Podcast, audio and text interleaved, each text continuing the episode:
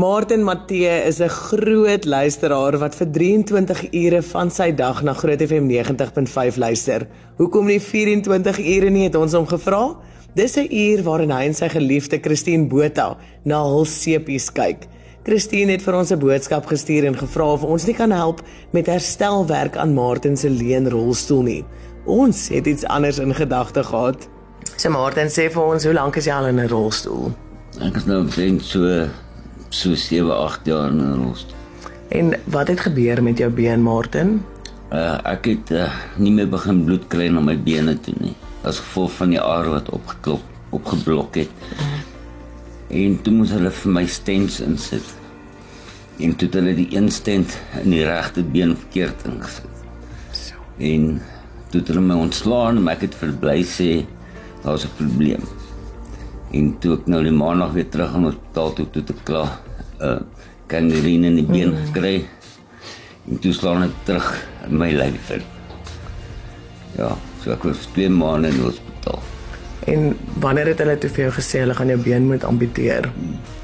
In daai tydperk wat ek toe in hospitaal was. Hoe het jy gevoel? Ja, ek was so die mekaar in elk geval. Ek kan niks ek kan eintlik veel onthou van daai tyd. Ehm um, maar toe ek nou besef hulle gaan hom afsit. Met besluit kan niks daaraan doen. Hy gaan nie weer groei nie. So. Mm. Maar aangaan. Hoe jou lewe verander na die operasie?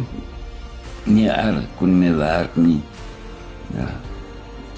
Maak sukkel om weer reg te kom en so aan. Maar ek is nou weer reg.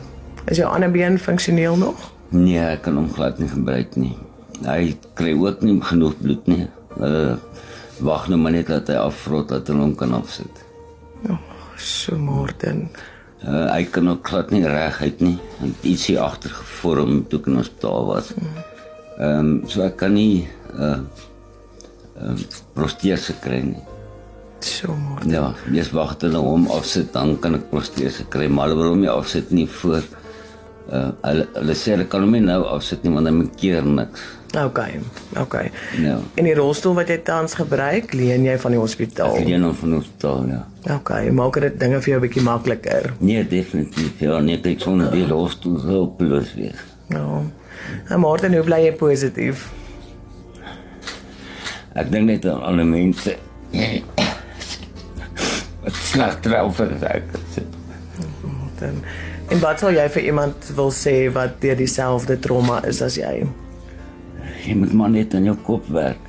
Dit is jy moet maar net elke dag. Ek word nog steeds elke dag kwaad. en Goed, maar so bes kon as al lag ek vir myself en dan gaan ek maar weer. Ja, Martin. Martin glo jy dat die Here vir jou ontsettend lief is? Hy is Martin. ek weet dit. Ek het gesien.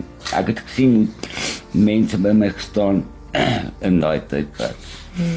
Ja, nee, definitief. En wie is tans deel van jou ondersteuningsnetwerk?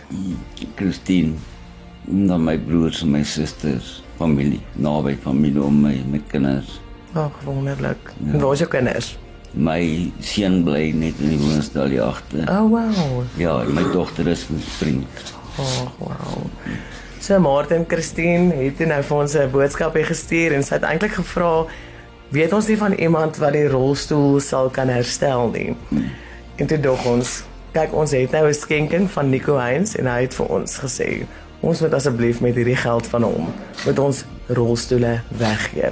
So vandag bring ons vir jou 'n splinter nuwe rolstoel. Ja, dankie.